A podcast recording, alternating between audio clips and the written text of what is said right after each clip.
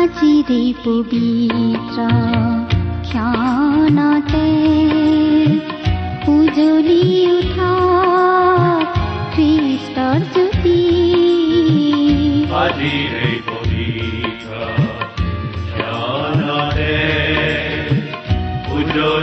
উঠা ভক্তিবচন অনুষ্ঠানৰ মজিয়ালৈ আপোনাক স্বাগতম প্ৰিয় শ্ৰোতা। আপোনাক পুনৰ লগ পোৱাৰ বাবে অশেষ ধন্যবাদ।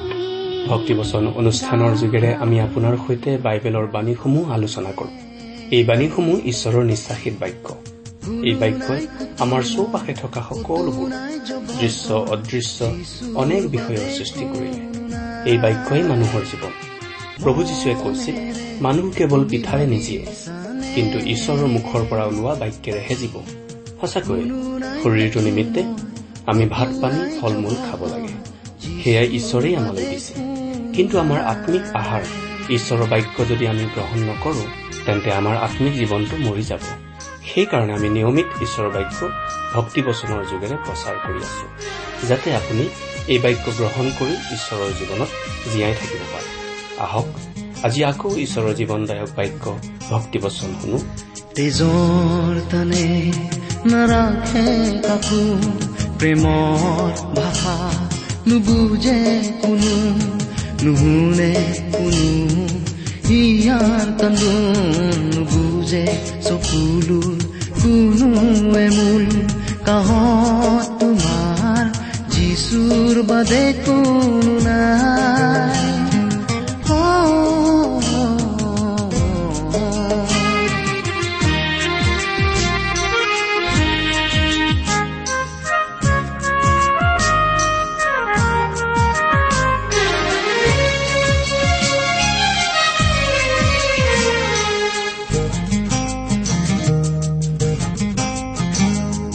লাগে যদি আহাৰে ভৰা পৰিপূৰ্ণ জীৱন গাথা যিচুৰ তেজে দিয়ে পূৰ্ণতা যিচুৰ কথাই চকুলো মুছে যিচুৰ বাদে কোনো নাই তোমাৰ কাহ মনেৰে তুমি ভাবিছানে? কোনো নাই কুতুমৰ কতো নাই জগতৰ যিচুৰ বাদে কোনো নাই। কোনো নাই কুতুমৰ কতো নাই জগতৰ যিচুৰ বাদে কোনো নাই। যিচুৰ বাদে কোনো নাই। আমাৰ মহান ত্ৰাণকৰ্তা প্ৰভু যীশুখ্ৰীষ্টৰ নামত নমস্কাৰ প্ৰিয় শ্ৰোতা। আপোনাৰ ভালনে বাৰু? আশা কৰিছো পৰম পিতা পৰমেশ্বৰৰ মহান অনুগ্ৰহত আপুনি ভালে কুশলে আছে। প্ৰিয় শ্ৰোতা আপুনি বাৰু এই ভক্তিবচন অনুষ্ঠানটো নিয়মিতভাৱে শুনি আছেনে? এই অনুষ্ঠান শুনি আপুনি কেনে পাইছে? আমালৈ মাজে সময়ে চিঠি পত্ৰ লিখি জনাবচোন। আহকচোন বাইবেল অধ্যয়ন আৰম্ভ কৰাৰ আগতে খন্তেক প্ৰাৰ্থনাত মূৰ দুৱাওঁ। হে আমাৰ স্বৰ্গত থকা অসীম দয়ালু পিতৃ ঈশ্বৰ তোমাৰ মহান নামৰ ধন্যবাদ কৰো। তোমাক ধন্যবাদ কৰো কিয়নো তুমি আমাৰ জীৱনত আকৌ এটা নতুন দিন যোগ দিলা আৰু তোমাৰ জীৱন্ত বাক্য বাইবেল শাস্ত্ৰ অধ্যয়ন কৰিবলৈ আকৌ এটা সুযোগ দান কৰিলা। তোমাৰ বাক্যৰ নিগূঢ় তত্ব বুজি পাবলৈ তুমি আমাক সহায় কৰা। তোমাৰ স্পষ্ট মাত আমাক শুনিবলৈ দিয়া। এই অনুষ্ঠানৰ আৰম্ভণিৰ পৰা শেষলৈকে তুমি আমাক পৰিচালিত কৰা আৰু এই অনুষ্ঠান শুনি থকা মৰমৰ শ্ৰোতাসকলৰ জীৱনত তোমাৰ আশীৰ্বাদ উপচাই দিয়া। কিয়নো এই প্ৰাৰ্থনা আমাৰ মহান ত্ৰাণকৰ্তা মৃত্যুঞ্জয় প্ৰভু যীশুখ্ৰীষ্টৰ নামত আগবঢ়াইছো।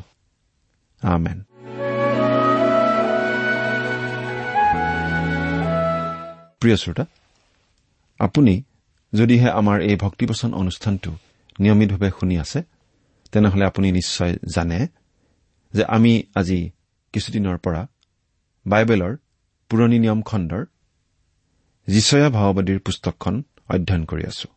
নহয়নে বাৰু? আমি যোৱা অনুষ্ঠানত এই যিচয়া ভাওবাদীৰ পুস্তকৰ ছয় নম্বৰ অধ্যায়ৰ শেষৰটো পদলৈকে আমাৰ আলোচনা আগবঢ়াইছিলো। গতিকে আজিৰ অনুষ্ঠানত আমি এই যিচয়া ভাওবাদীৰ পুস্তকৰ সাত নম্বৰ অধ্যায়ৰ এক নম্বৰ পদৰ পৰাই আমাৰ আলোচনা আৰম্ভ কৰিবলৈ আগবাঢ়িছো।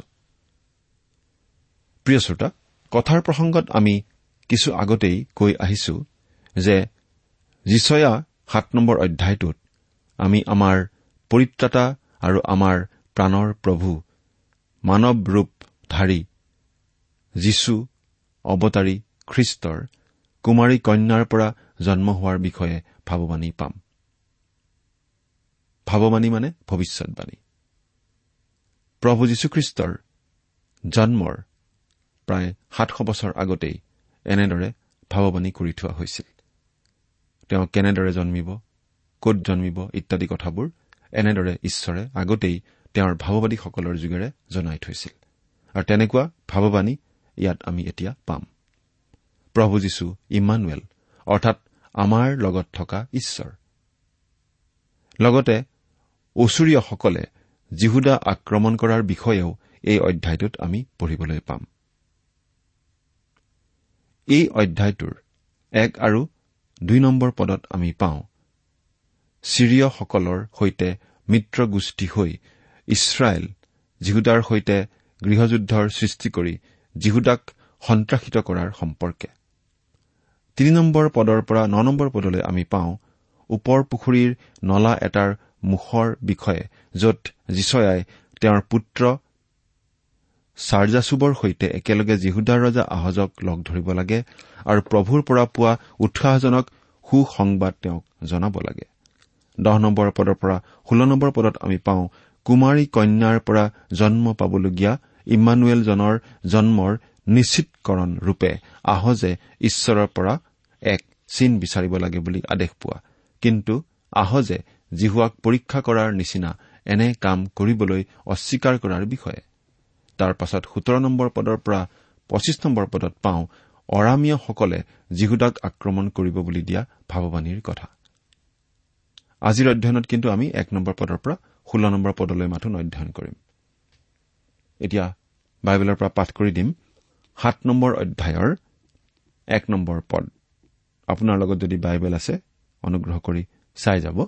আৰু যদিহে বাইবেল নাই অনুগ্ৰহ কৰি মন দি শুনিব। আমি পাঠ কৰি দিছো। উজ্জিয়াৰ নাতি জোথমৰ পুত্ৰ জিহুদাৰ আহজ ৰজাৰ ৰাজত্বৰ কালত অৰামৰ ৰচিন ৰজা আৰু ৰমলিয়াৰ পুত্ৰ ইছৰাইলৰ পেকহ ৰজা এই দুজন ৰজাই জিৰচালেমৰ বিৰুদ্ধে যুদ্ধ কৰিবলৈ আহিল কিন্তু তাক পৰাজয় কৰিব নোৱাৰিলে। দ্বিতীয় ৰজা বুলি ষোল্ল নম্বৰ অধ্যায়ৰ দুই নম্বৰ পদত আমি এনেদৰে পঢ়িবলৈ পাওঁ। অৰ্থাৎ এনেদৰে পঢ়ো। আহজে বিশ বছৰ বয়সত ৰজা হৈ জিৰচালেমত ষোল্ল বছৰ ৰাজত্ব কৰিলে। তেওঁ নিজৰ ওপৰ পিতৃ ডায়ুদৰ নিচিনাকৈ নিজ জিহুৱাৰ দৃষ্টিত যি ন্যায় তাক নকৰিলে। যিচয়া ছয় নম্বৰ অধ্যায়ত ঈশ্বৰে যিচয়াক আহান কৰি তেওঁক তেওঁৰ কামৰ কাৰণে আদেশ দিয়াৰ পাছতেই আমি যিচয়াৰ ভাৱবাণী প্ৰচাৰ কামৰ বিষয়ে সাত নম্বৰ অধ্যায়ত পাওঁ। তেতিয়া জিহুদাৰ ৰজা উজ্জিয়াৰ মৃত্যু হৈছিল। তেওঁৰ পুত্ৰ জোথমে সিংহাসনত উঠি ৰাজত্ব কৰিছিল ষোল্ল বছৰ কাল। দ্বিতীয় ৰজাৱলী পোন্ধৰ নম্বৰ অধ্যায়ৰ বত্ৰিশ নম্বৰ পদৰ পৰা চৌত্ৰিশ নম্বৰ পদলৈ আমাক এনেদৰে কোৱা হৈছে। ইছৰাইলৰ ৰজা ৰমলিয়াৰ পুত্ৰ পেকহৰ ৰাজত্বৰ দ্বিতীয় বছৰত জিহুদাৰ ৰজা উজ্জিয়াৰ পুত্ৰ জোথমে ৰাজত্ব পালে। তেওঁ পঁচিছ বছৰ বয়সত ৰজা হৈ জিৰচালেমত ষোল্ল বছৰ ৰাজত্ব কৰিলে। তেওঁৰ মাক চাদুকৰ জীয়েক জিৰচা আছিল। জিহুৱাৰ দৃষ্টিত যি ন্যায় তাক তেওঁ কৰিলে আৰু তেওঁৰ পিতৃ উজ্জিয়াৰ কাৰ্যৰ দৰেই সকলো কৰ্ম কৰিলে। উজ্জিয়াৰ পুত্ৰৰ দৰেই তেওঁৰ পুত্ৰ জোথম ভাল ৰজা আছিল। তাৰ পাছত জোথমৰ পুত্ৰ আহজ ৰাজপাতত উঠিল আৰু ঈশ্বৰৰ দৃষ্টিত যি যি অন্যায় সেইবোৰকে তেওঁ কৰিলে। আহজে ষোল্ল বছৰ জিহুদাত ৰাজত্ব কৰিব আৰু তেওঁ হ'ব বৰ বেয়া ৰজা। তেওঁৰ ৰাজত্বৰ কালত এক গৃহযুদ্ধ হ'ব। ইছৰাইলৰ বাবে এই কালচোৱা হ'ব বৰ হতাশাৰ কাল। এই কালচোৱাত যি বেয়া কামবোৰ হৈছিল তাক জানিবলৈ দ্বিতীয় ৰজা বুলি ষোল্ল নম্বৰ অধ্যায়ৰ তিনি আৰু চাৰি পদ পঢ়ি চাব পাৰে। পদ দুটাত এইবুলি কোৱা হৈছে। জিহুৱাই ইছৰাইলৰ সন্তানবিলাকৰ পৰা দূৰ কৰা জাতিবিলাকৰ ঘীনলগীয়া ৰীতিৰ দৰে নিজৰ পুত্ৰটিকেই অগ্নিৰ মাজেৰে গমন কৰালে আৰু তেওঁ ওখ ঠাইবোৰত পৰ্বতৰ ওপৰত আৰু প্ৰত্যেক কেঁচাপতীয়া গছৰ তলত বলিদান কৰিলে আৰু ধূপ জ্বলালে। বাস্তৱিকতেই আহজ এটা ঘোলাকণীৰ নিচিনা আছিল আৰু তেওঁ আতংকিত হৈছিল উত্তৰৰ ৰাজ্য ইছৰাইলে অৰামীয়াসকলৰ সৈতে মিত্ৰতা স্থাপন কৰি জিহুদা আক্ৰমণ কৰিবলৈ প্ৰস্তুত হৈছিল। প্ৰথমবাৰ আক্ৰমণ কৰোতে তেওঁলোকে জয়লাভ কৰিব নোৱাৰিলেও শেষত যে জিহুদা আক্ৰমণ কৰি শত্ৰুৱে বিজয় সাব্যস্ত কৰিব পাৰিব তাক বিশ্বাস কৰাৰ কাৰণ আহজে দেখা পাইছিল।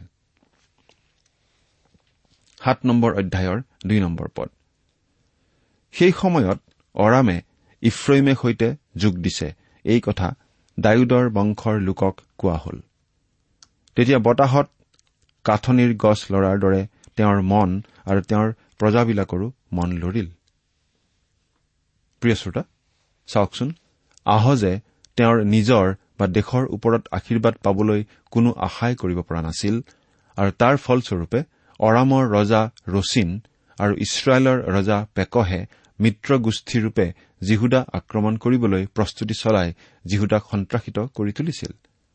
আগতেও ইছৰাইল আৰু অৰামীয়াসকলে একেলগে লগ লাগি জিহুদা আক্ৰমণ কৰিছিল। আগৰবাৰত জিৰচালেম হাত কৰি ল'ব নোৱাৰিলেও পাছৰ বাৰত কৃতকাৰ্যতাৰে জিৰচালেম শত্ৰুৰ হাতত পৰিব বুলি আহজ নিশ্চিত হৈছিল। আহজ মন্দ ৰজা যদিও জিহুদাক শত্ৰুৰ হাতত সোধাই দিবলৈ ঈশ্বৰে তেতিয়াও জাতিটোক এৰি দিয়া নাছিল। ইছৰাইলৰ সন্তানসকলৰ ইতিহাসৰ পৰা আমি ইতিমধ্যে জানি অহাৰ ভিত্তিত ক'ব পাৰো যে জিহুদা কাহানিও উত্তৰৰ ৰাজ্যৰ বন্দীৰূপে বন্দী হৈ যাব নালাগিব। কিন্তু কিছু বছৰৰ পাছত বাবিলৰ হাতত পৰাজয় বৰণ কৰিবলৈ তেওঁলোকক নিৰ্ধাৰিত কৰি থোৱা হৈছিল। আৰু তেওঁলোকে তেনেদৰে পৰাজয় বৰণ কৰি বাবিললৈ যাব লাগিব বন্দীয়াৰূপে বন্দী হৈ।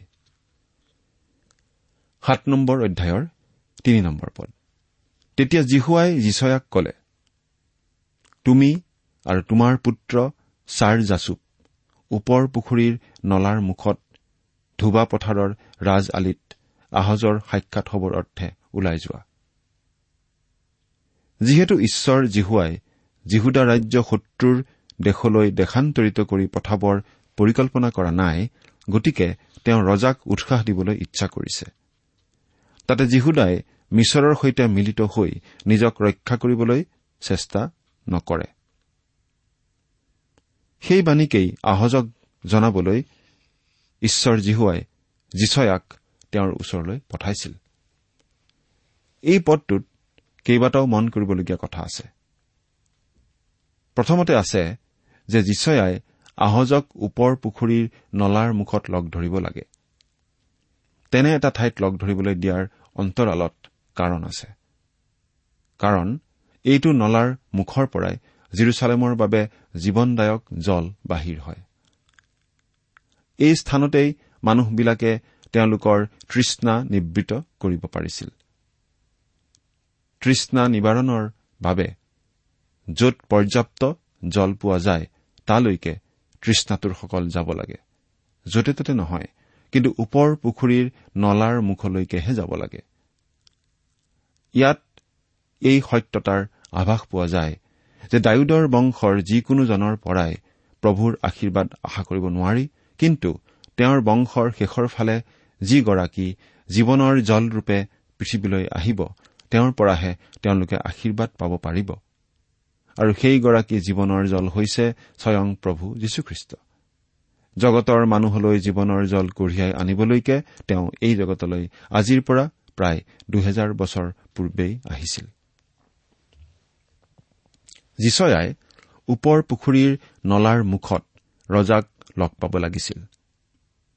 পুখুৰী শব্দটোৰ মূল ভাষাৰ শব্দটো হৈছে বেৰেকাহ আৰু এই শব্দৰ অৰ্থ হৈছে আশীৰ্বাদ।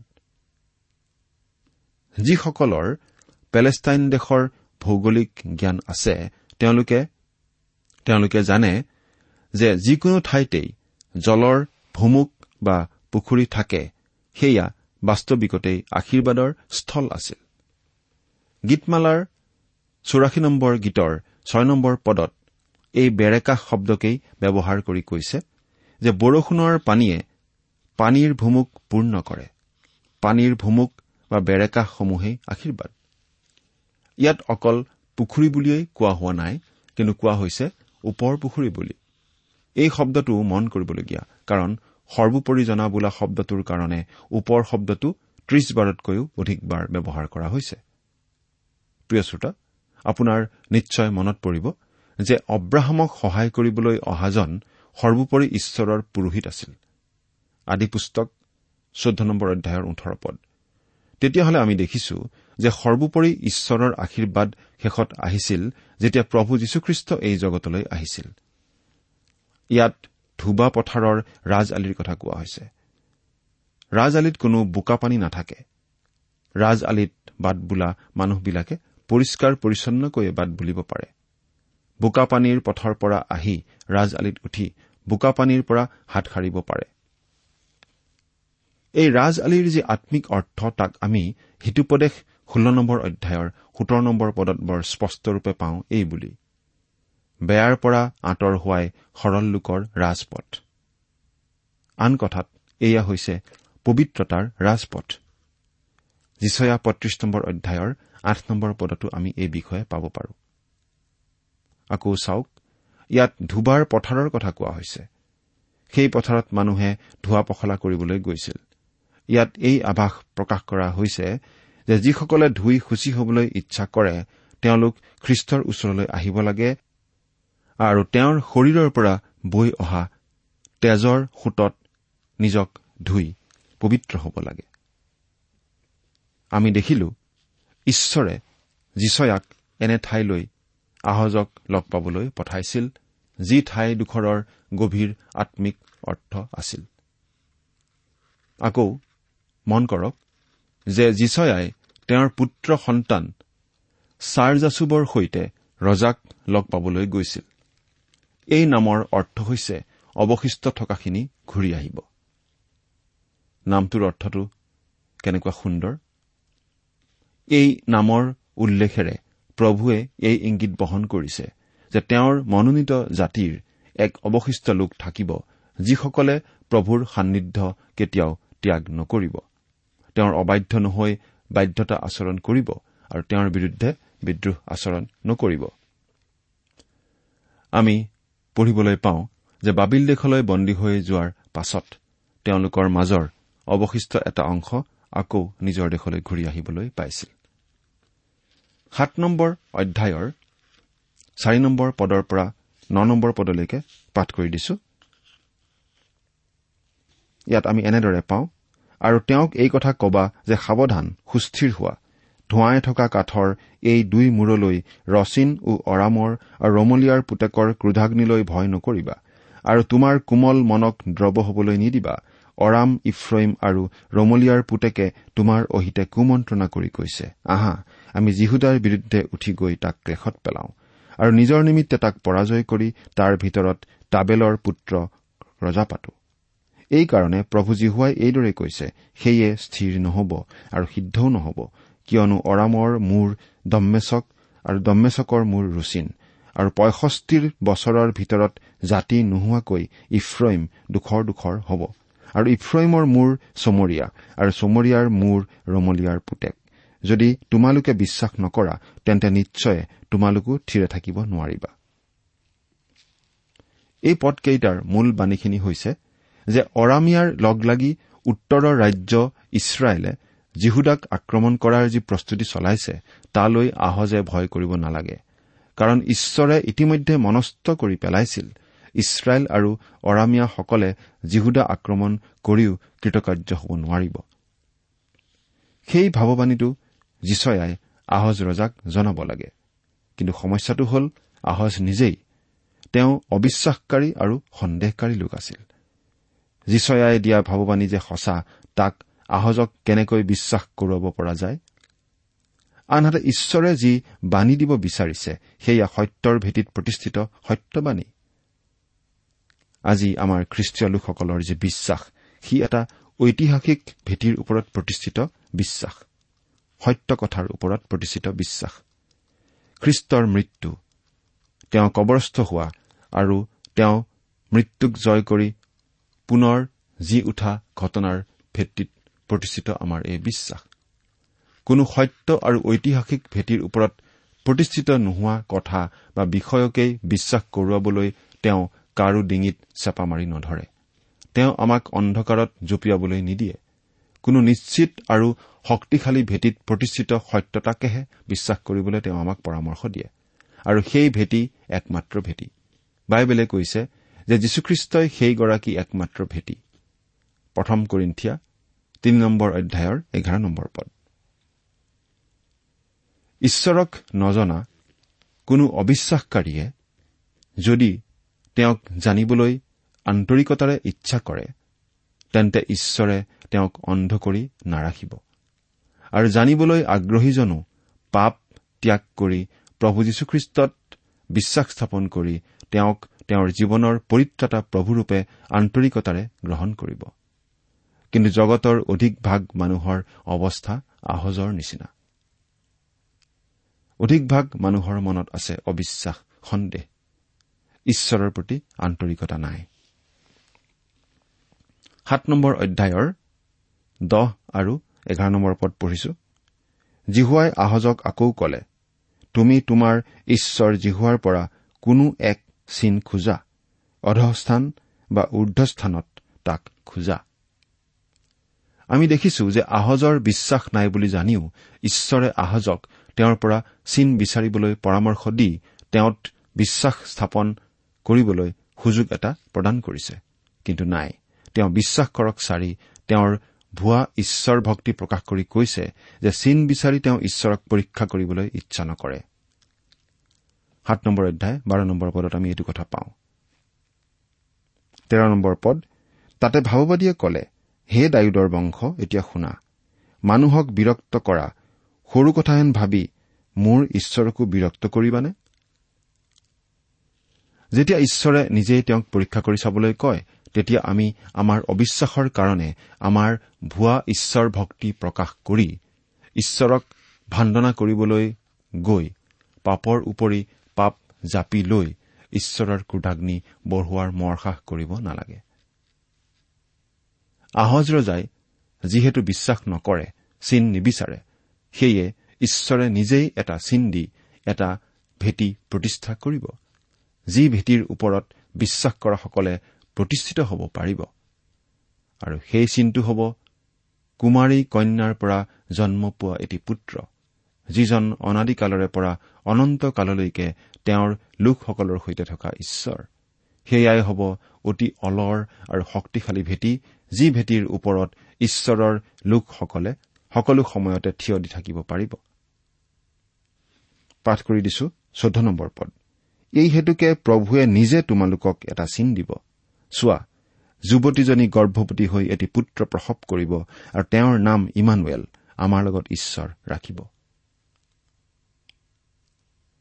এই পদটোৰ কুমাৰী কন্যাৰ পৰা জন্ম পোৱাৰ কথাটোক লৈ বিশ্বাস কৰিব নোৱাৰা বহু আহজজাতীয় লোকসকলে তৰ্ক বিতৰ্ক কৰে। সেয়া যে অসত্য আৰু অযুক্তিকৰ তাকে প্ৰমাণ কৰিবলৈ তেওঁলোকে উঠি পৰি লাগে। তেওঁলোকক আমি আহজ ৰজাৰ শ্ৰেণীত ধৰি থৈ দিলেই হ'ল। প্ৰভু যীশু এই পৃথিৱীলৈ আহিছিল কুমাৰী মৰিয়মৰ গৰ্ভত জন্ম লৈ কোনো পুৰুষৰ সংস্পৰ্শলৈ নহাকৈ কুমাৰী মৰিয়মে প্ৰভু যীশুক গৰ্ভধাৰণ কৰিছিল একমাত্ৰ পবিত্ৰ আত্মাৰ শক্তিৰে। এই কথাটো আমি বিশ্বাস কৰো কাৰণ এইটো এটা সত্য কথা। প্ৰিয় শ্ৰোতা ঈশ্বৰে দিয়া এই ভাৱবাণীটো কেতিয়া সিদ্ধ হলহেঁতেন তাৰ দিনকাল কৈ দিয়া হোৱা নাছিল। কিন্তু বিশ্বাসকাৰীসকলে এই ভাৱবাণীটো বিশ্বাস কৰিছিল স্থানীয় আৰু তৎকালীন সময়ৰ যিবোৰ ভাৱবাণী সিদ্ধ হোৱা দেখিছিল তাৰ ভিত্তিতেই। কোনেও সোধা নাছিল কেতিয়া সেই ভাৱবাণীটো সিদ্ধ হ'ব? কাৰণ তেওঁলোকে জানিছিল স্থানীয়ভাৱে আৰু তৎকালীনভাৱে ঘটা ভাৱবাণীবোৰ যি ঈশ্বৰে দিছিল। যিচয়া সাত নম্বৰ অধ্যায়ৰ চৈধ্য নম্বৰ পদৰ ভাৱবাণীও সেই ঈশ্বৰেই দিছিল। আমাৰ যুগৰ এতিয়াৰ মানুহেতো আৰু অধিককৈয়ে বিশ্বাস কৰাৰ বলিষ্ঠ কাৰণ আছে। কাৰণ এই ভাৱবাণীটো আজিৰ পৰা দুহেজাৰ বছৰ আগতেই ফলিয়াইছে সিদ্ধ হৈ গৈছে। কাৰণ যিচয়াৰ যোগেদি ঈশ্বৰে ঘোষণা কৰাৰ নিচিনাকৈয়ে এগৰাকী কুমাৰীৰ গৰ্ভত প্ৰভু যীশুখ্ৰীষ্টই জন্মগ্ৰহণ কৰিলে আজিৰ পৰা প্ৰায় দুহেজাৰ বছৰ আগতেই। কিন্তু দুখৰ কথা যে আহজতকৈও কঠিন হৃদয়ৰ বিশ্বাস কৰিব নোৱাৰা অন্তৰৰ আহজজাতীয় মানুহৰ সংখ্যা এতিয়াও অসংখ্য অগণন। পদ। বেয়াক অগ্ৰাহ্য কৰিবলৈ আৰু ভালক গ্ৰহণ কৰিবলৈ তেওঁ জ্ঞান নোপোৱালৈকে দধি আৰু মধু খাব। স্বয়ং সৃষ্টিকৰ্তা ঈশ্বৰ হৈও প্ৰভু যীশুখ্ৰীষ্টই সাধাৰণ মানুহ হিচাপে জন্মগ্ৰহণ কৰি এই পৃথিৱীত বাস কৰিছিল। এজন নিষ্পাপ মানৱ হিচাপে। ষোল্ল নম্বৰ পদৰ কথাখিনি আহজৰ দৃষ্টিত বিশ্বাসযোগ্য নাছিল কাৰণ মচীহজন অহাৰ বেলিকাহে ই সিদ্ধ হ'ব। গতিকে তাক বিশ্বাস কৰিবৰ জোখাৰে বিশ্বাস আহজৰ হৃদয়ত নাছিল। আহজজাতীয় কোনো ব্যক্তিৰ এনে বিশ্বাস আজিও নাই আৰু কেতিয়াও নহ'ব। প্ৰিয় শ্ৰোতা প্ৰভু যীশুৰ বিষয়ে যিবোৰ কথা আপুনি শুনি আছে সেই কথা বিশ্বাস কৰি তেওঁক বাৰু আপুনি আপোনাৰ জীৱনৰ ত্ৰাণকৰ্তাৰূপে গ্ৰহণ কৰি তেওঁতে আপোনাৰ জীৱন সঁপি দিছেনে? নে আপুনিও আহজৰ নিচিনাকৈ অবিশ্বাস দেখুৱাই আছে? ঈশ্বৰে আপোনাক আশীৰ্বাদ কৰক। আহমেদ ইমান পৰে আপুনি বাইবেল শাস্ত্ৰৰ পৰা ঈশ্বৰৰ বাক্য শুনিলে। এই বিষয়ে আপোনাৰ মতামত জানিবলৈ পালে আমি নথৈ আনন্দিত হ'ম। আমি প্ৰস্তুত কৰা বাইবেল অধ্যয়নৰ চিডিসমূহ পাব বিচাৰিলে আৰু অনুষ্ঠানত প্ৰচাৰ কৰা কোনো কথা বুজিব লগা থাকিলেও আমালৈ লিখক। আমাৰ যোগাযোগৰ ঠিকনা ভক্তিবচন ট্ৰান্সৱৰ্ল্ড ৰেডিঅ' ইণ্ডিয়া ডাক বাকচ নম্বৰ সাত শূন্য গুৱাহাটী সাত আঠ এক শূন্য শূন্য এক। ঠিকনাটো আকৌ এবাৰ কৈছো ভক্তিবচন ট্ৰান্সৱৰ্ল্ড ৰেডিঅ' ইণ্ডিয়া ডাক বাকচ নম্বৰ সাত শূন্য গুৱাহাটী সাত আঠ এক শূন্য শূন্য এক। আমাৰ ইমেইল এড্ৰেছটো হৈছে Assamese T TV at the rate radio' eight eight two dot com আমাৰ website W W W dot T W R dot in জীৱন বাটত ইমান নিৰাশা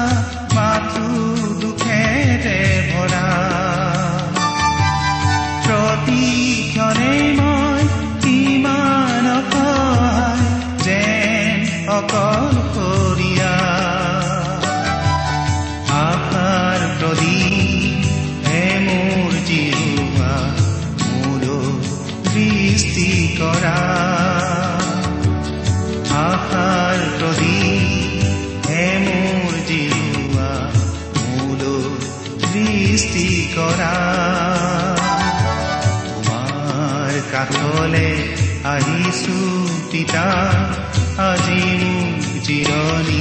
আপুনি টেলিফোনৰ মাধ্যমেৰেও আমাক যোগাযোগ কৰিব পাৰে। আমাৰ টেলিফোন নম্বৰটো হৈছে nine eight five four zero' four zero' eight eight nine. Phone নম্বৰটো আকৌ এবাৰ কৈছো ন আঠ পাঁচ চাৰি শূন্য চাৰি শূন্য আঠ আঠ ন।